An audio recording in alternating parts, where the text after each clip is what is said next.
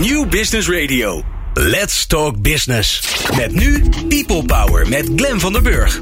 People Power is een programma over de kracht van mensen in organisaties. Met interviews en laatste inzichten voor betere prestaties en gelukkige mensen. Deze week gaat Glen van der Burg in gesprek met... Rina Joosten, co-founder van Seedlink. Werven en selecteren op basis van een cv ligt onder vuur. Resultaten uit het verleden zijn zelden een garantie voor de toekomst. Maar hoe kan het anders?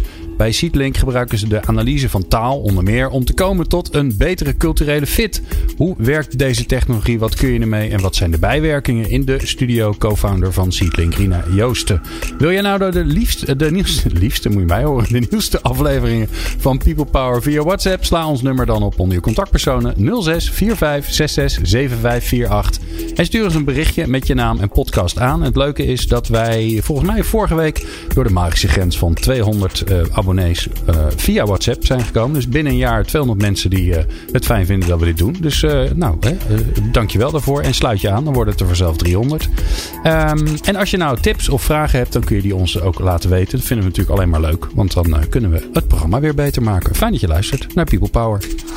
People Power met Glen van den Burg. In de studio Rine Joosten, co-founder van Seedlink. Um, en we gaan het hebben over werven en selecteren, maar vast nog veel meer. Maar daar komen we vanzelf op. Uh, dat vind ik altijd leuk hè, bij dit soort programma's. Je hebt een beginnetje en dan kom je vanzelf weer op plekken uit. En hopelijk op plekken waar we helemaal niet van tevoren bedacht hadden dat we eruit komen. Um, Rina, welkom. Leuk dat je er bent. Dank je. Leuk om er te zijn. Ja, uh, laten we maar eens beginnen met uh, ja, de huidige manier waarop wij mensen uh, betrekken en ook bepalen of zij geschikt zijn voor onze organisatie. Wat gaat er mis? Ja, een heleboel. Ja, nou, goed, dankjewel. Je, ja, ja, precies. Ja, dat was een mooi antwoord. Um, nou ja, wat je ziet natuurlijk, een soort van, er is een generieke uh, statistiek. En die zegt dat 40% van, of die laat zien dat 40% van de mensen die uh, binnenkomen op een nieuwe functie na 18 maanden weer naar buiten lopen. Dus dat betekent dat er ergens toch iets misgaat in de manier waarop we tot nu toe altijd mensen hebben geworven en geselecteerd voor de banen die we hebben. Ja, en, want we willen dat ze langer blijven. Ja, vaak wel. Of ook dat bijvoorbeeld de, de performance, dus de eigenlijke productiviteit toeneemt in, uh, in de banen waarvoor we mensen selecteren.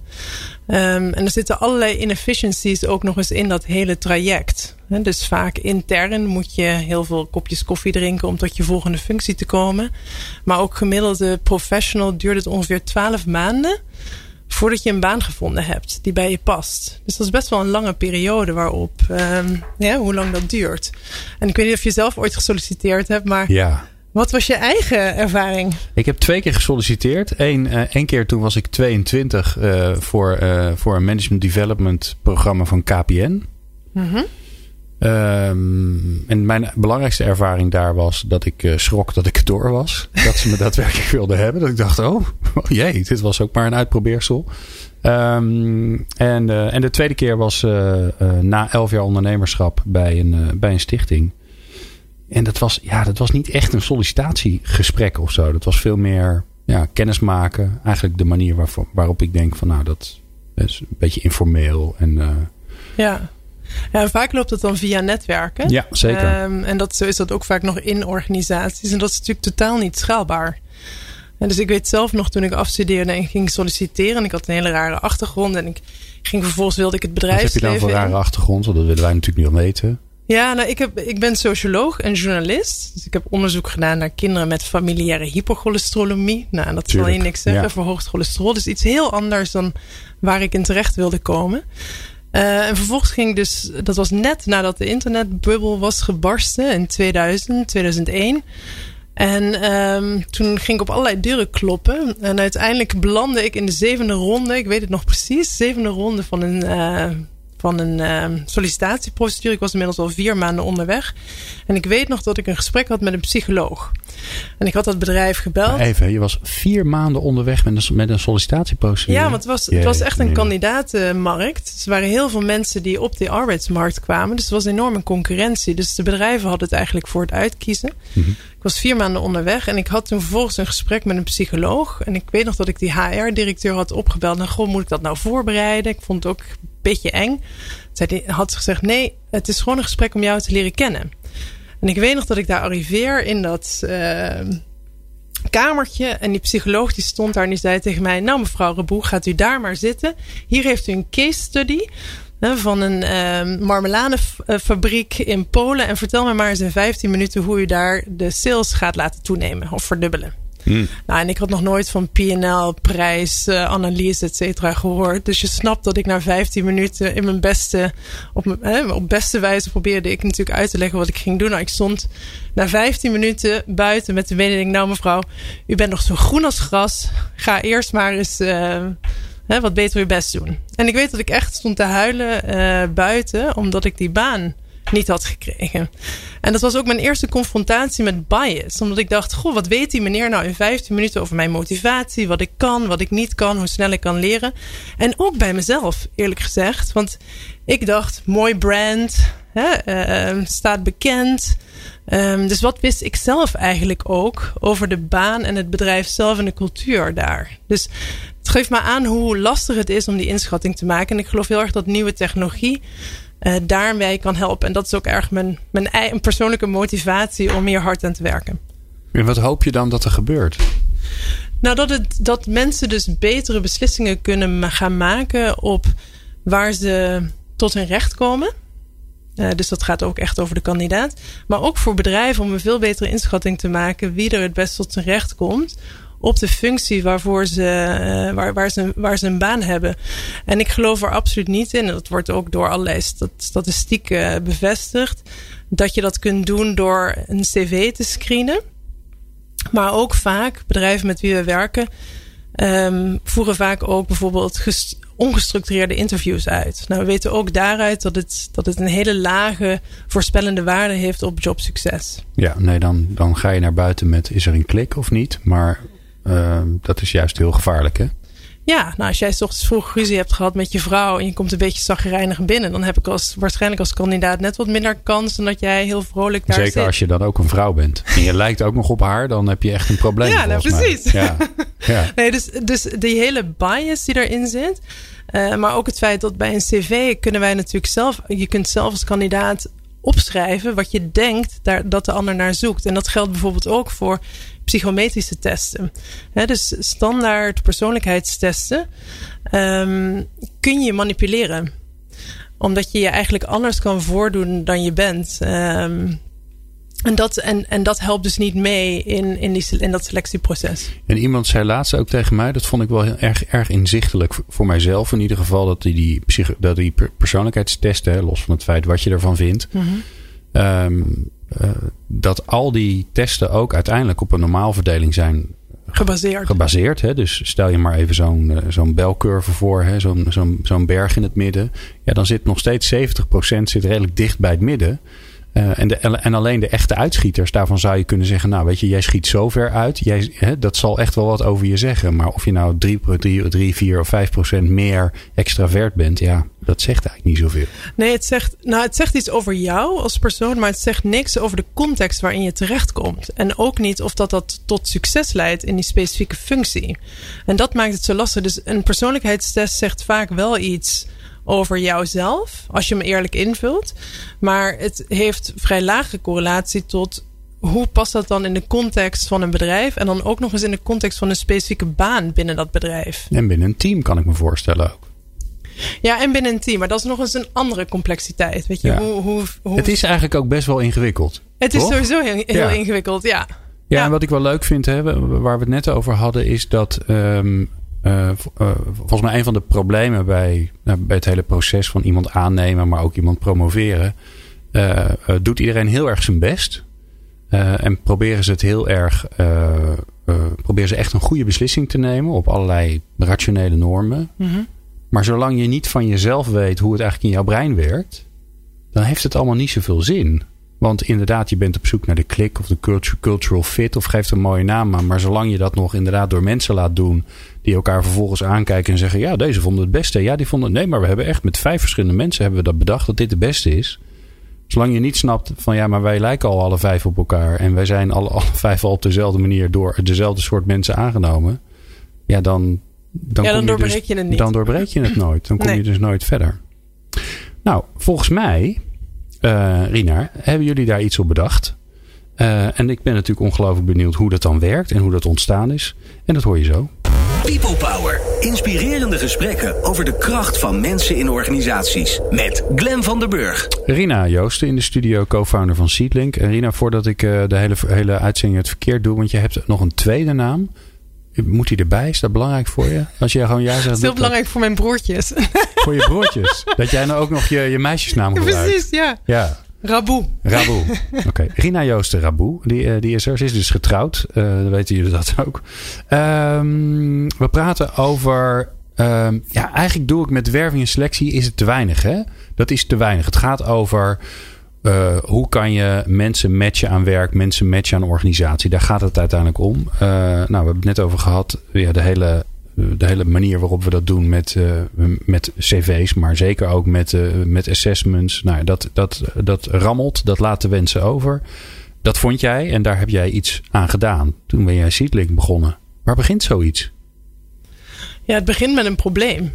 Dus um, ik woonde toen in China, uh, in Shanghai. Daar heb ik zeven jaar gewoond. En um, we runden toen een, een.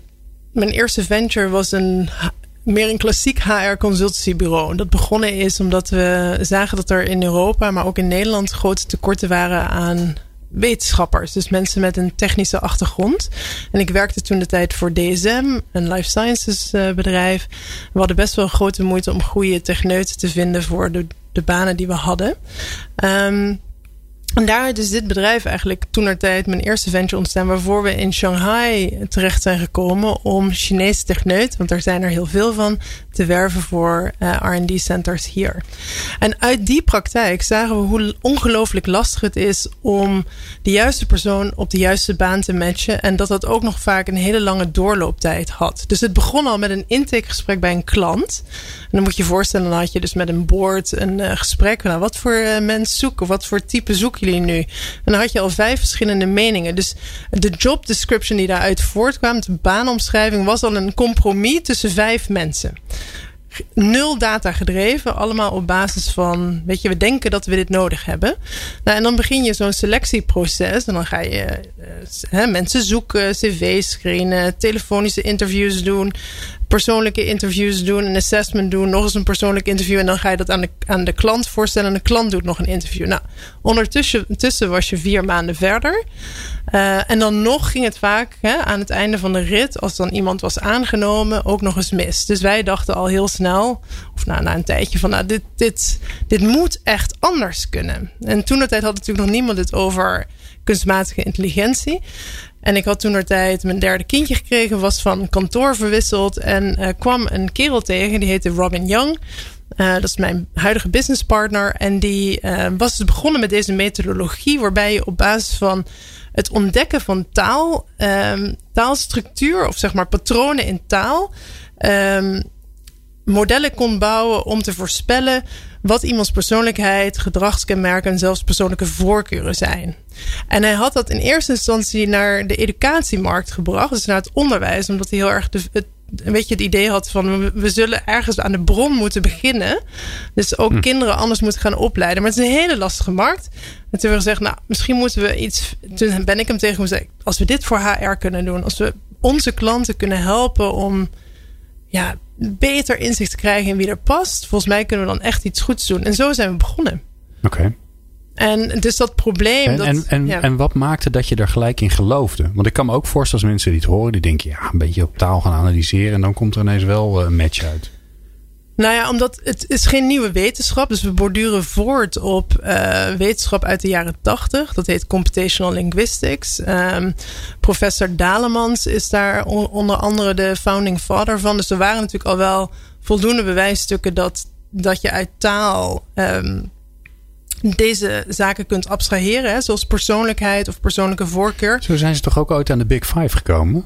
Zo zijn ze ook aan de Big Five gekomen. Uh, en zo zijn er bijvoorbeeld ook wel voorbeelden van, uh, volgens mij in Amerika, dat ze op basis van e-mail, zeg maar e-mails ook bijvoorbeeld uh, bepaalde aanslagen hebben kunnen oplossen. Omdat je bepaalde um, patronen daaruit kon, ha hmm. kon, halen. Dus die wetenschap is niet nieuw. Wat wel nieuw is, dat we dat inmiddels kunnen doen op basis van machine learning technieken. En dat natuurlijk de, we veel meer data kunnen analyseren. Dus, en wat wij hebben gedaan is gezegd, nou, ik ben toen bij een aantal klanten op deuren gaan kloppen en gezegd, goh, is dit wat? Zou dit iets kunnen zijn? We hadden geen product, we hadden alleen een methodologie. Um, en toen heeft uiteindelijk, toen er tijd was L'Oréal een van de eerste die zei: Goh, dit is interessant. Want wij voelen natuurlijk ergens wel in onze uh, onderbuik aan dat wij mensen over het hoofd zien als we 30.000 sollicitanten ontvangen en er 30 aannemen.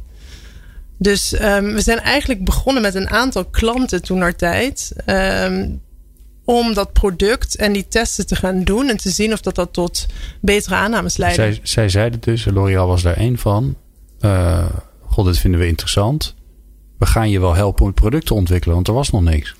Ja, ze hebben, ze hebben ons geholpen om dat samen met de gebruiker te doen. Dat is een van de dingen die ik heel erg aan China heb overgehouden. Dat we daar veel meer iteratief zeg maar, producten maken. Uh, met, klanten. met klanten dus ook? Ja, met klanten echt.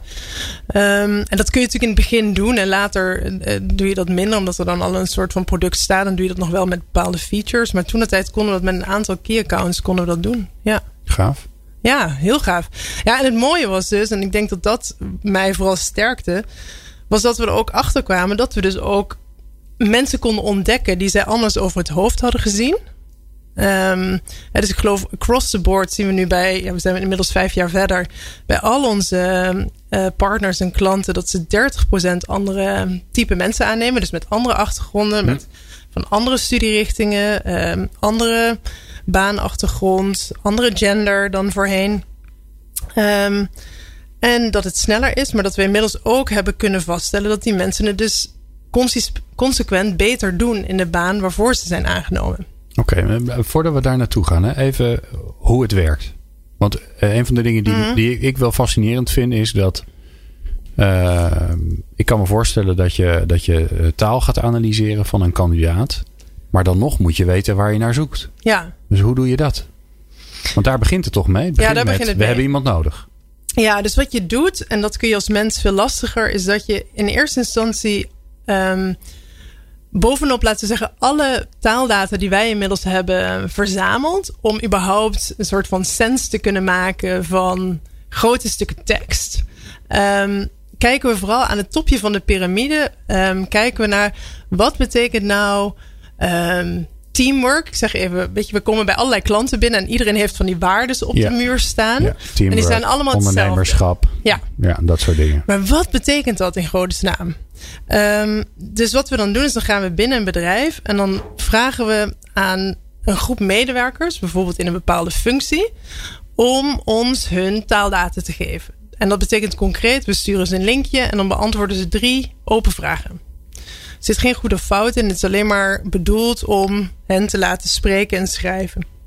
Vervolgens vragen we ook aan het bedrijf: kun je ons laten zien wie van deze kandidaten, dus al die medewerkers, krijgen bijvoorbeeld um, labels. Dus dat betekent um, informatie over hoe worden zij gepercipieerd op die waarden die daar op de muur hangen.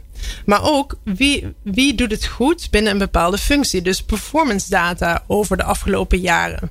Nou, en dat zijn dus inputs voor uh, wat we zeggen het model om te toetsen, om, om, om overeenkomsten in die taalstructuur te ontdekken en te modelleren tussen mensen die dus bijvoorbeeld worden gezien als teamworkers of worden gezien als entrepreneurs. Of het zoveel beter hebben gedaan dan anderen in die bepaalde functie. En dat wordt dus als input gebruikt aan de top van het model om te kijken waar, um, waar we naar moeten zoeken. Oké, okay, dus de, de, de mensen die er nu werken, zijn, zijn eigenlijk een soort uh, vergelijkingsmateriaal, om maar even zo simpel te zeggen. Waarbij je dat natuurlijk wel moet verrijken. Dus enerzijds gebruik je hun taal. Maar kijk je ook van wat is dat voor mens? Uh, bij, welke, bij welke waarden of welke werkwoorden passen ze?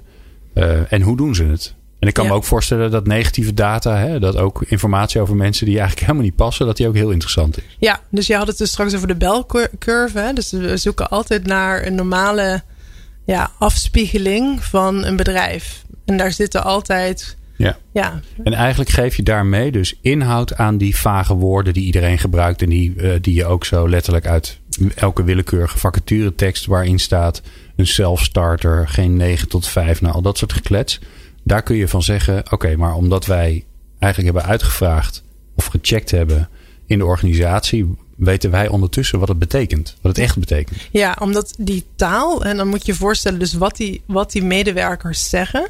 En dat gaat niet over keywords. Hè, dat gaat echt over hoe ze hun taal construeren. Dus dat, dat zit vaak juist, zit heel veel informatie in kleine bijwoorden. Zoals ik, jij, het, een. Um, het zit ook in um, welke, hoe, weet je, hoe ze hun um, tekst opbouwen. Hoe kort, hoe lang. Uh, dus er zitten allerlei diepere lagen in. Dus ik zal je daar niet mee vermoeien. Maar... Nee, alsjeblieft. Dat is heel interessant juist. Nee, maar, dat is natuurlijk wel de Het is een 200-dimensionaal model ongeveer. Ongeveer. Dus, ja, dus um, niet heel ingewikkeld. Nee, het is totaal niet ingewikkeld. um, maar het is wel belangrijk om dat te benoemen. Omdat um, als het alleen maar zou gaan over keywords, dus wat mensen zeggen, ja, dan, dan zou je het weer heel goed kunnen manipuleren. Want dan kan ik ook aan andere kandidaten zeggen: Nou, gebruik deze woorden en dan weet je waar we naar zoeken. dus het is een, een stuk ingewikkelder dan dat. Um, en dat wordt dus gemodelleerd om vervolgens daar nieuwe kandidaten tegen af te zetten. En het is een soort van levend organisme, want het betekent ook dat je natuurlijk leert over tijd wat tot succes leidt en wat niet. Want je volgt ook kandidaten over de tijd, wat er teruggevoerd wordt naar die modellen. En daarmee itereer je. Het is niet statisch. En wat, wat vraag je dan aan? Uh, want we hebben nu zeg maar de, de, de, de vragende kant gehad. Hè? Dus je geeft invulling aan al die woorden. Vervolgens moet er volgens mij altijd nog iemand zeggen: Oké, we zoeken nu iemand die uh, inderdaad goed is in teamwork en die ondernemend is en dit en dat. Is, is dat uiteindelijk toch de vraag die er gesteld wordt? Nee, we kijken eigenlijk. Dus wij, wij kijken door, doordat we dat taalgebruik afnemen van huidige medewerkers. En vervolgens ook die labels hebben. Dus we weten um, uh, wie het op, eh, op een bepaalde functie goed of minder goed hebben gedaan, kunnen we vervolgens ook gaan kijken welke van die waarden of gedragingen leidt nou eigenlijk tot succes. Dus het eerste wat we eigenlijk afgeven tegen aan een bedrijf is: je dacht dat deze vier dingen die hier aan de wand hangen tot succes leiden, maar eigenlijk zien we iets anders. Aha. Dus het is ehm, ook, hè, want wij, ik zei het aan het begin al, want ik voelde dit al aankomen. Uh, wat heel knap van mezelf is natuurlijk. Even een beetje... Uh, niemand anders... Ik zat te wachten tot jij het ging zeggen, maar ik doe het zelf. Bedankt. Pieter Jan zit hier ook in de studio. Is even aan het klappen. Dankjewel. Ik had het gewoon ook even nodig na, in het derde uur. Maar anyways. Um, uh, Die intuïtie werkt nog goed, hè? Ja, ja, enorm. Ik voel heel goed aan wanneer ik ermee moet stoppen. Um, nee, maar je, je, je, we hadden het over werving en selectie. Maar eigenlijk wat jij doet, is dat jij analyseert welke mensen er werken en wat wel werkt en wat niet werkt. Dus het zegt ook heel veel over.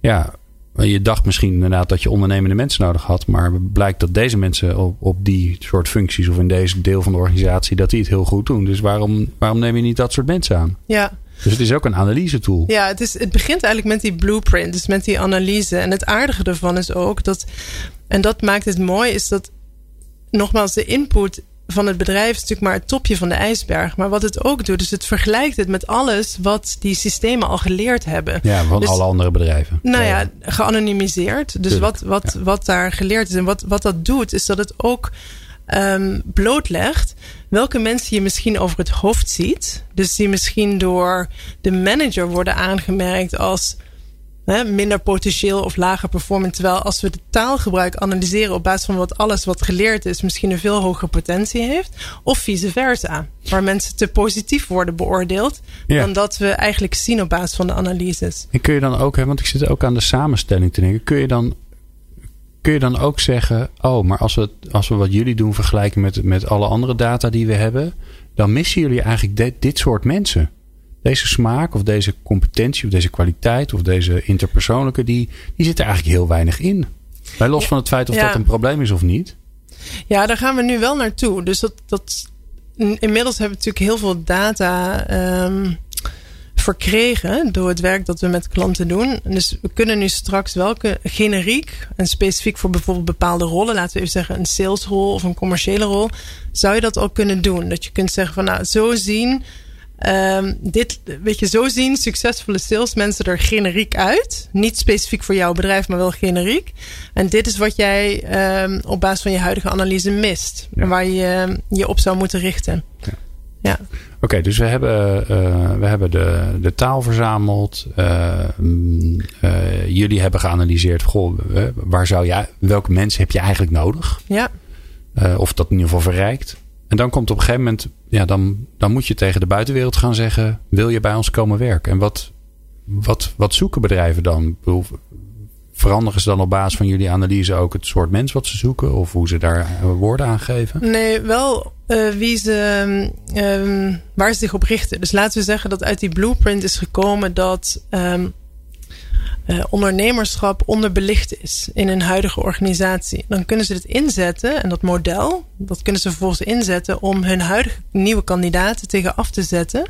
En bijvoorbeeld te zeggen: wij we willen dus meer zoeken nu naar ondernemerschap, om, omdat dat voor ons belangrijk is. En we hebben gezien dat dat. Um, leidt tot hogere performance. Dus dan kunnen ze dat inzetten om betere mensen aan te nemen.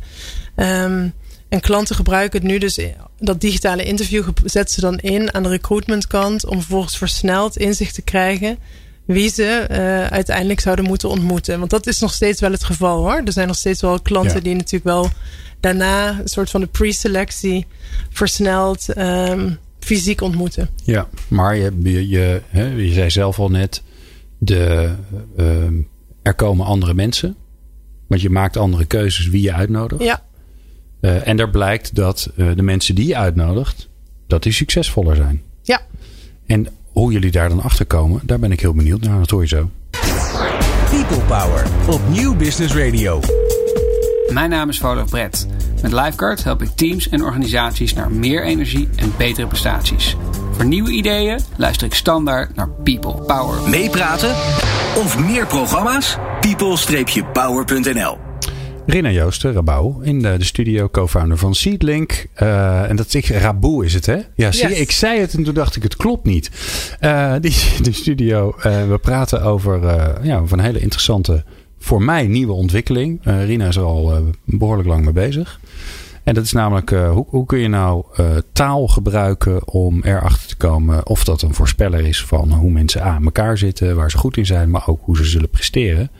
Uh, nou, daar hebben we het met elkaar over. Een van de dingen die jij zei, Rina, is we volgen de mensen ook die aangenomen worden. Er worden, er worden andere mensen uitgenodigd.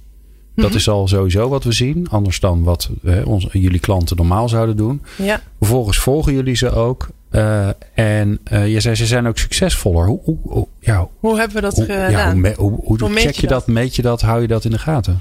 Ja, we hebben net wel aardig. We, hadden, we hebben net een tweejarig onderzoek gedaan bij een van onze partners in China. En daar hebben we omdat sales vaak de, of de salesrollen zijn vaak het makkelijkst uitdrukbaar of zeg maar te vertalen naar succes, omdat het vaak over omzet uh, bijdrage gaat. Hm.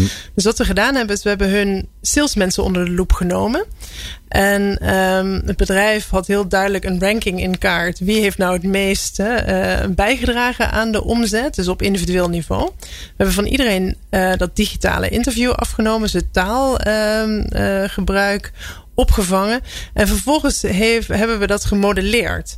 Um, dus we wisten dus wie het um, consequent beter had gedaan dan anderen in, in die salesorganisatie. En dat model is vervolgens toegepast op hun recruitment. Dus dat bedrijf is vrij snel gegroeid. Die hebben 1500 mensen in de tussentijd in de afgelopen twee jaar aangenomen.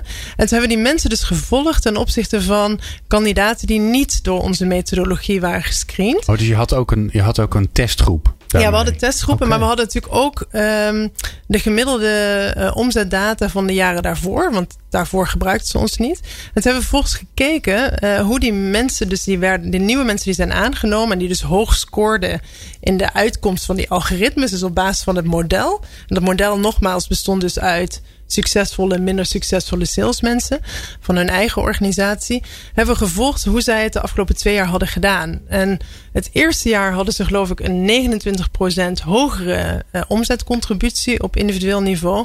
En afgelopen jaar was dat zelfs gestegen tot 50%. Dus die CEO die was, uh, ja, die ja, staat nu overal ja. uh, op allerlei podia te vertellen zeggen. hoe blij die is. Um, maar dat geeft dus maar aan dat je erg, ergens dus ook kunt modelleren um, beyond human observation. En dat is zo lastig voor mensen, want ik heb zelf natuurlijk ook allerlei interviews gedaan voor mensen die wij hebben aangenomen. En het is ongelooflijk lastig om te voorspellen. Ik kan inderdaad zeggen van, nou, ik heb een klik met jou. En ik kan misschien ook nog wel ergens testen um, hoe intelligent je ongeveer bent. Of hoe je in ieder geval je, je je antwoorden construeert of opbouwt. Maar ik kan heel weinig zeggen over hoe succesvol jij gaat zijn in ons bedrijf of in een functie. Um, in, in, in, op basis van één of twee gesprekken. Het spannende vind ik, hè, want uh, uh, jullie doen zeg maar de voorselectie gaat via Seedlink dan. En daarna uh, wordt er toch nog heel vaak een gesprek gevoerd. Daar heb je geen invloed meer op. Nee.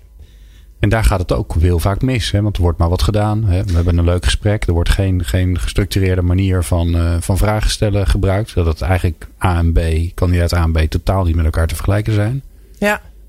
Nou, we hebben heel gelukkig een aantal klanten die bijvoorbeeld ook um, een soort van geblindeerde testen doen. Dus die bijvoorbeeld hebben gezegd: we pakken kandidaten die uit de top, mid, low ranking komen van jullie algoritmes. En die geven wij blind aan een drietal recruiters. En die laten wij dus kijken, of die laten we dus een gestructureerd interview doen en dan kijken wat daaruit komt. Nou, daar, daar zit een hele hoge overlap in, uh, zien we. Dus we kunnen ook zeg maar um, laten we zeggen, menselijke observaties modelleren. Um, maar natuurlijk zul je zien dat daar natuurlijk altijd nog een stukje bevooroordeling in zit. En dat zien we ook. Dus we zien nog steeds wel dat uh, klanten, uh, zeker in China, soms nog een voorkeur hebben voor mensen die van topuniversiteiten komen. Of die toch een achtergrond hebben in hè, uh, de baan waarop ze solliciteren. Voornamelijk bij young professionals, bijvoorbeeld een marketeer met een marketingachtergrond. Ja. Maar in dit geval kunnen we in ieder geval tegen ze zeggen: jongens, kijk ook eens naar die andere groep. En neem die nou ook eens mee in gesprek. Zodat je kunt zien of dat, dat niet tot, um, tot een betere match leidt. En dat hadden ze van tevoren niet. En zie je nou ook dat het een. Want dat is natuurlijk een van de grote vraagstukken waar we, waar we in ieder geval in Nederland als maatschappij, maar volgens mij op, uh, op veel meer plekken in de wereld uh, mee worstelen. Zorgen voor inclusie en diversiteit. dus zorgen dat je inderdaad man-vrouw verhouding. Ehm, uh, verhouding tussen uh, verschillende etnische achtergronden. Uh, naar, ja. naar alle, alle verschillende opties die er zijn. En de mens is nogal divers. Ja, dat is natuurlijk een, een groot probleem in organisaties. Want ze zijn veel te, nou, in Nederland gezien, veel te wit en veel te mannelijk. Ja. of veel te wit en veel te vrouwelijk, want dat gebeurt ook helaas. Um, zie je nou dat, het, dat dat verandert op het moment dat ze gebruik maken van jullie methodiek? En ja, jullie tools, zie je dan dat er andere mensen ineens komen? Ja. Ja, dat zien we. En, en het mooie is ook wel even op gender bijvoorbeeld teruggaan. Um, ook een ander onderzoek dat we de afgelopen anderhalf jaar gedaan hebben, is om te kijken of dat de algoritmes en de uitkomsten uh, zijn. Je kunt je misschien herinneren dat vlak voor de kerst uh, had een groot tech, een van de grote techgiganten ter wereld, uh, heeft besloten om zijn algoritmes terug te trekken omdat ze discriminerend waren jegens vrouwelijke engineers. Ja, en discriminerender dan mensen. Dus volgens mij was er nog, hij was nog uitvergroot. Oh, dat, hij was ook nog uitvergroot. Ja. Oké, okay, dat, dat, dat weet ik niet. Maar, um, dus toen hebben wij gezegd, we willen ook laten zien dat het op basis van onze methodologie niet zo is. Want wat, wat er in dit geval gebeurt, en daarom is het heel belangrijk, want AI is echt een groot buzzword mhm. geworden. Mm -hmm. Om goed te kunnen onderscheiden in methodologie. Want wat, wat was er gebeurd? Er waren algoritmes die um, gebouwd waren om cv's te matchen op jobsucces. Nou, we weten uit de wetenschap dat R, dus de correlatiecoëfficiënt van een cv op job, jobsucces, 0,18 is. Dus je kunt elk algoritme schrijven, de validiteit wordt nooit hoger. Het andere wat er gebeurd was, dat ze als input mannelijke cv's hadden genomen, omdat 95% van hun engineers mannen waren. En als je dan vervolgens alleen maar naar keywords kijkt, en ik ben een vrouw en ik ben een engineer en ik uh, solliciteer, ja, dan werd ik al meteen uitgefilterd. Nou, onze methodologie richt zich nogmaals op die taalpatronen. En als je nou, laten we zeggen, even voor het gemak, extroverte mensen bij elkaar zet, zowel mannen of vrouwen, en introverte mannen en vrouwen, dan is die constructie van die taalpatronen bij die twee groepen eh, dus mannen en vrouwen in die extroverte groep vergelijkbaar ten Aha. opzichte van, of uh, verschillend ten opzichte van introverte mannen en vrouwen. Ja, ja, ja. ja dus als je naar gedrag en persoonlijkheidskenmerken kijkt, dan is, is er het, geen man-vrouw verschil. Is er meer. geen man-vrouw verschil meer. Um, Ook al hebben vrouwen een grotere woordenschat en. Uh, ja, maar als je kijkt naar de verschillen tussen die gedragskenmerken, zie je dus geen verschil tussen mannen en vrouwen. En op basis van dat anderhalf jaar onderzoek hebben we dat ook gezien. Dus we zagen eigenlijk in de distributie van hoe mannen en vrouwen scoorden op basis van audio-analyses die we hebben gedaan, um, waren die uh, precies hetzelfde. En dat is voor mij heel belangrijk, omdat nogmaals een van de visiepunten was: kunnen we dit doorbreken? Kunnen we zorgen dat we eigenlijk met technologie het hele diversity vraagstuk kunnen oplossen. Ja, en het lastige voor, voor, voor jou, voor jullie lijkt me ook, is dat uh, zo'n, zo'n, uh, zo, die kunstmatige intelligentie, het model, is zo complex dat je ook niet meer heel makkelijk kunt zeggen: kijk, we kijken naar deze vier punten, want daar is het gewoon veel te ingewikkeld voor. Ik had, ik had laatst uh, een interview met, met, met iemand van TNO, die ook ja. met artificial intelligence bezig is, met, met ehm, machine learning. En die, en, die, en die zei ook: ja, ehm, er zijn, je stopt er wat in en je weet eigenlijk van tevoren niet goed wat eruit komt. En dat is juist zo leuk. En toen dacht ik: ja, het is ook doodeng. En dat lijkt me het lastige bij, bij, hè, bij neurale netwerken. Bij jullie, om, om dat juist scherp te krijgen. Om dat ook te vertellen aan je klanten. En, en er zeker van te zijn, want dat is een van de dingen op mijn lijstje. Van ja, uh, uh, waar houdt het op? Hè? Wanneer, wanneer gaat ethiek meespelen in dat je zegt van ja, maar hmm. kijk hier, dit doen we dus niet. En ik kan me ook voorstellen dat, uh, dat je op een gegeven moment dingen er dingen uit de taal van mensen kunt halen waarvan je je af moet vragen: wil ik dat eigenlijk wel weten? Maar waar doel je dan op? Dat nou ja, kijk, elke vorm van selectie, daarmee zeg je natuurlijk tegen iemand ja en tegen iemand anders nee. Ja. Ja, dat, ehm, maar dat doen we nu ook, hè? Dus, um... Nee, dat is waar. Uh, hè, dus, uh, maar je kunt technologie voor good gebruiken. En, uh, maar, ja. ook, maar je kunt ook, ook voor bad. Ja. ja. ook voor bad. Je kunt natuurlijk ook gewoon zeggen: ja, ja, we hebben nu echt de beste kandidaten. En helaas, alle mensen met een eh, niet-westerse achtergrond. Ja, sorry, je past gewoon niet. Ja. En dat is even, ik, ik chargeer natuurlijk enorm. Nou ja, dat is wat er nu wel gebeurt, hè? overigens. In de ah, huidige, met de huidige methodologie. ik geloof dat er vorig jaar een onderzoek is gepubliceerd dat mannen met een criminele achtergrond een hogere kans hebben om aangenomen te worden. Of geselecteerd te worden of uitgenodigd te worden voor een interview dan uh, mensen met een buitenlandse achternaam. Dus Weet je, de, de bar is vrij laag wat dat betreft. um, om het beter te doen. Nee, dat ben ik, ben ik met je eens. Maar het, het vervelende is natuurlijk ook is dat iedereen van zichzelf vindt dat hij het niet doet. Hè? Dat is het, ook weer het rare. En dan, en dan ga je vervolgens ga je een belangrijk gedeelte van je selectie overlaten aan iets prachtigs wat jij aan het maken bent. Wat volgens mij heel veel mooie effecten heeft. Ik kan me ook voorstellen dat toch mensen vragen: ja, hoe zit het dan? Ja. En hoe kunnen we zeker weten dat er geen nou ja, neveneffecten aan zitten die we niet willen? Nou ja, dus door dit soort onderzoeken te doen en ook te blijven volgen wat mensen, hoe mensen terechtkomen. Maar misschien ook de andere kant op. Eh, ik begon mijn verhaal met mijn eigen uh, ervaring, waarbij ik zelf het ook lastig vond om in te schatten waar ik tot mijn recht kwam. Welke baan, maar ook welk bedrijf. En ik denk dat de toekomst, maar goed, daar zijn we nog niet. Maar dat je op een gegeven moment kunt zeggen: Rina heeft gesolliciteerd bij L'Oréal, maar die zou eigenlijk veel beter tot zijn recht komen bij hmm. dit en dit bedrijf in deze en deze functie. Dus dat je eigenlijk mensen kunt gaan adviseren op schaal. In plaats van dat ik afhankelijk ben van die 30 kopjes koffie met mijn eigen netwerk. Um, om te adviseren waar je terecht komt. Wat zou daarvoor nodig zijn? Nou ja, tijd en dus de verzameling van, um, van nog meer uh, datasets waarop we dat kunnen doen. Kijk, je moet je voorstellen, wij, wij zijn ooit begonnen door dit custom te doen. Dus dat betekent dat we dat voor bedrijven in organisaties doen. Ook om echt die validiteit te waarborgen. Ja, want je kunt allerlei generieke modellen bouwen, uh, maar je wil uiteindelijk het ook echt wel beter doen dan de huidige standaard. En dus vandaar dat we die methode hebben gekozen. En vervolgens kun je dat straks generieker gaan maken zonder aan validiteit te verliezen. Nee, wat stel je voor dat jij morgen uh, nou ja, een monsterbord koopt. Hè? Die wordt toch elke dag minder waard. Dus dat, kan, dat is binnenkort niet zo'n probleem meer. die hebben natuurlijk heel veel data. Misschien niet de juiste data, maar die hebben heel veel data. Zou je dan hypothetisch gezien zou je dan kunnen zeggen, nou als ik genoeg input heb van genoeg bedrijven en ik heb genoeg input van genoeg kandidaten, dan kan ik eigenlijk veel beter matchen dan wat er nu gebeurt. Ja, nou daar gaan we ook naartoe. Wauw. Just wait and, wait and, see. En, en, en uh, even naar de toekomst. Hè. Dit is natuurlijk toekomstmuziek, maar een andere toekomstmuziek. Want uh, uh, volgens mij gebruiken jullie voornamelijk geschreven data. Dus getypt, getypte, getypte taal moet ik zeggen. Het is maar geen data, het is taal. Ja. Ehm, antwoorden. Ja. Is daar nog ontwikkeling in dat je. Ik ben natuurlijk erg van de audio, want dat is nogal logisch. Ja. Uh, maar je kunt natuurlijk hè, van intonatie kun je ongetwijfeld veel afleiden. Maar je kunt ook van, van video heel veel afleiden. Van hoe mensen kijken. Uh, uh, wat ook wel een beetje creepy is. Want volgens mij kun je op basis van video ook al enigszins zeggen. Met een redelijke kans is het eigenlijk wel waar wat diegene zegt. En, en vindt hij dat echt wel? En lacht hij echt wel of lacht hij nep? Ja. Um, wat zijn de ontwikkelingen daarin waar jullie mee bezig zijn? Ik lach er nu echt hoor. Ja, nee, nee. Uh. Ik, zie dat, kijk, ik, kan dat, ik kan dat wel zien als mens.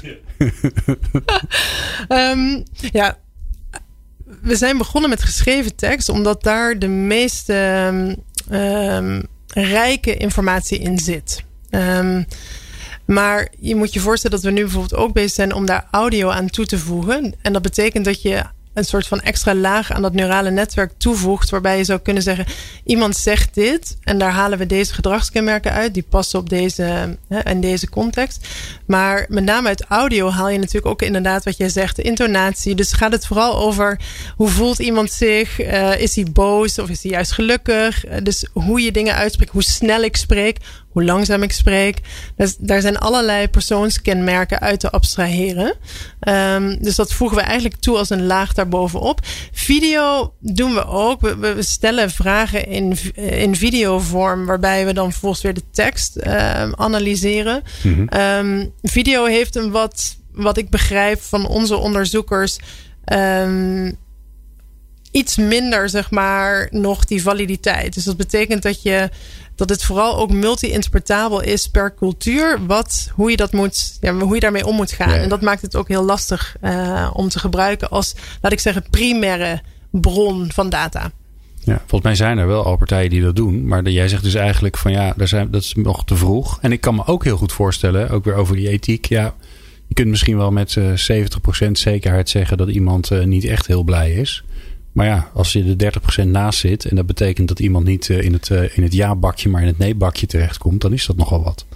Ja, plus je moet je afvragen, wat ben je het meten? Dus is het um, hoe de likelihood, dus hoe aardig je of hoe iemand overkomt, of is het echt een voorspeller voor succes in een baan? Um, en daar heb ik nog weinig onderzoeken over gezien die bewijzen dat ik daaruit informatie kan abstraheren die iets zegt over succes in een baan. Of hoe je past binnen een cultuur van een bedrijf. Ja. Dus ik denk dat het als, als soort van laag eromheen interessant kan zijn. Maar als primaire databron uh, hebben wij zo onze twijfels. Um, laatste vraag, eh, Rina. Wij, um, uh, nou, onze luisteraars luisteren naar dit uh, mooie programma. Die luisteren naar jou. Die zijn gefascineerd. Die denken, goh, dat is een mooie oplossing. Uh, is, dit, is, dit, is dit haalbaar voor de gemiddelde MKB'er met 100 mensen? Of is het, is het nog echt moet je hier voor een heel groot bedrijf zijn en is het voor de gemiddelde is het niet te doen voor een klein bedrijf? Nou ja, het ligt eraan hoe klein het bedrijf is. Um, uiteindelijk is het natuurlijk onze um, visie dat we iedereen willen helpen.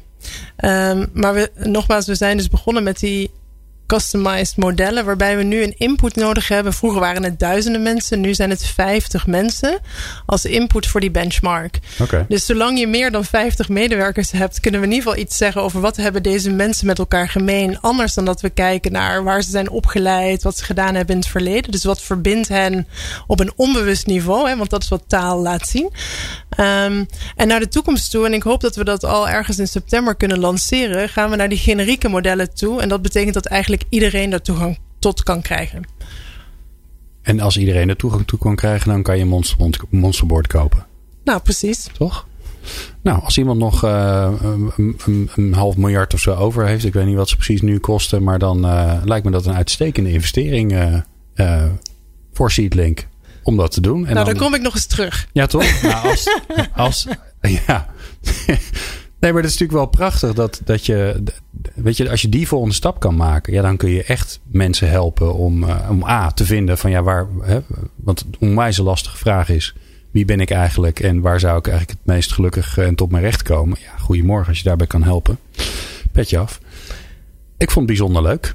Dankjewel, uh, dat je er was, uh, Rina. En willen mensen meer weten, dan gaan ze naar jullie website. En dan, uh, ja, dan weet jij natuurlijk de URL uit je hoofd. Het is Seedlink met iets erachter. Seedlinktech.com. Oh, tech zie je? Ja. Nou, ja. En anders gewoon even googlen op Seedlink. Zoveel zijn er niet. En dan vind je het vanzelf. Dankjewel. Bijzonder leuk dat je er was. en ik heb weer heel veel geleerd. Dus wat wil je nog meer? Nou, tot de volgende keer. Ja, tot de volgende keer als, uh, als Monsterboard gekocht is.